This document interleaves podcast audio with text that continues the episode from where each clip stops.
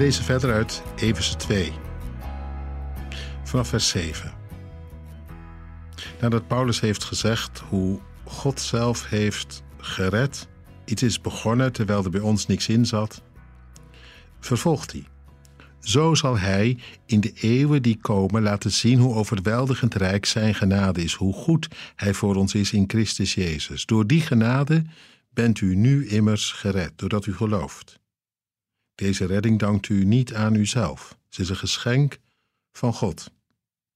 En geen gevolg van uw daden. Niemand kan er zich dus op laten voorstaan.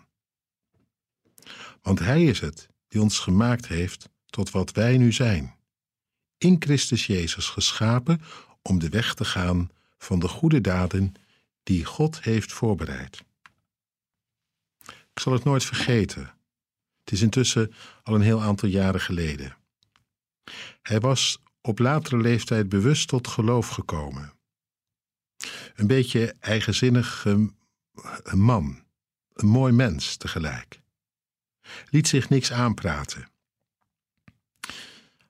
Maakte zijn eigen keuzes. Maar op de een of andere manier was God voorbijgekomen. Op een manier die hij zelf niet had bedacht, maar die hem was overkomen.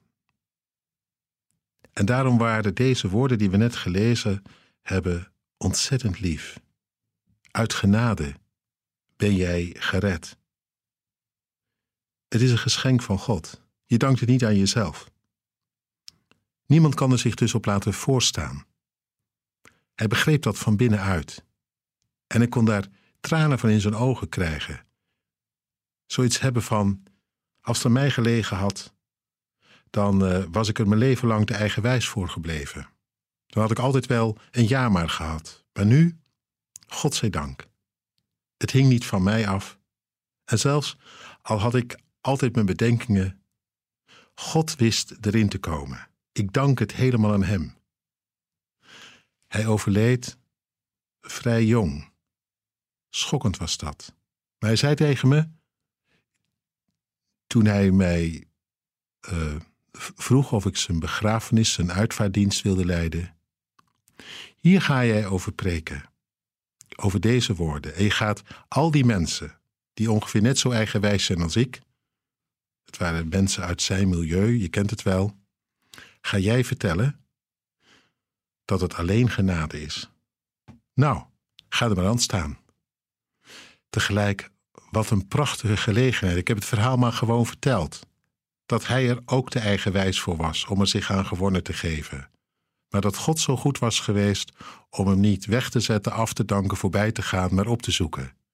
Dat niemand zich ergens op kan laten voorstaan. En dat daarom iedereen, er waren er zo'n 200, die vanmiddag in die rouwdienst is, bij deze God terecht kan. Hij je door dit woord heen nabij wil komen, verrassen wil en tegen je wil zeggen: mens wie je ook bent.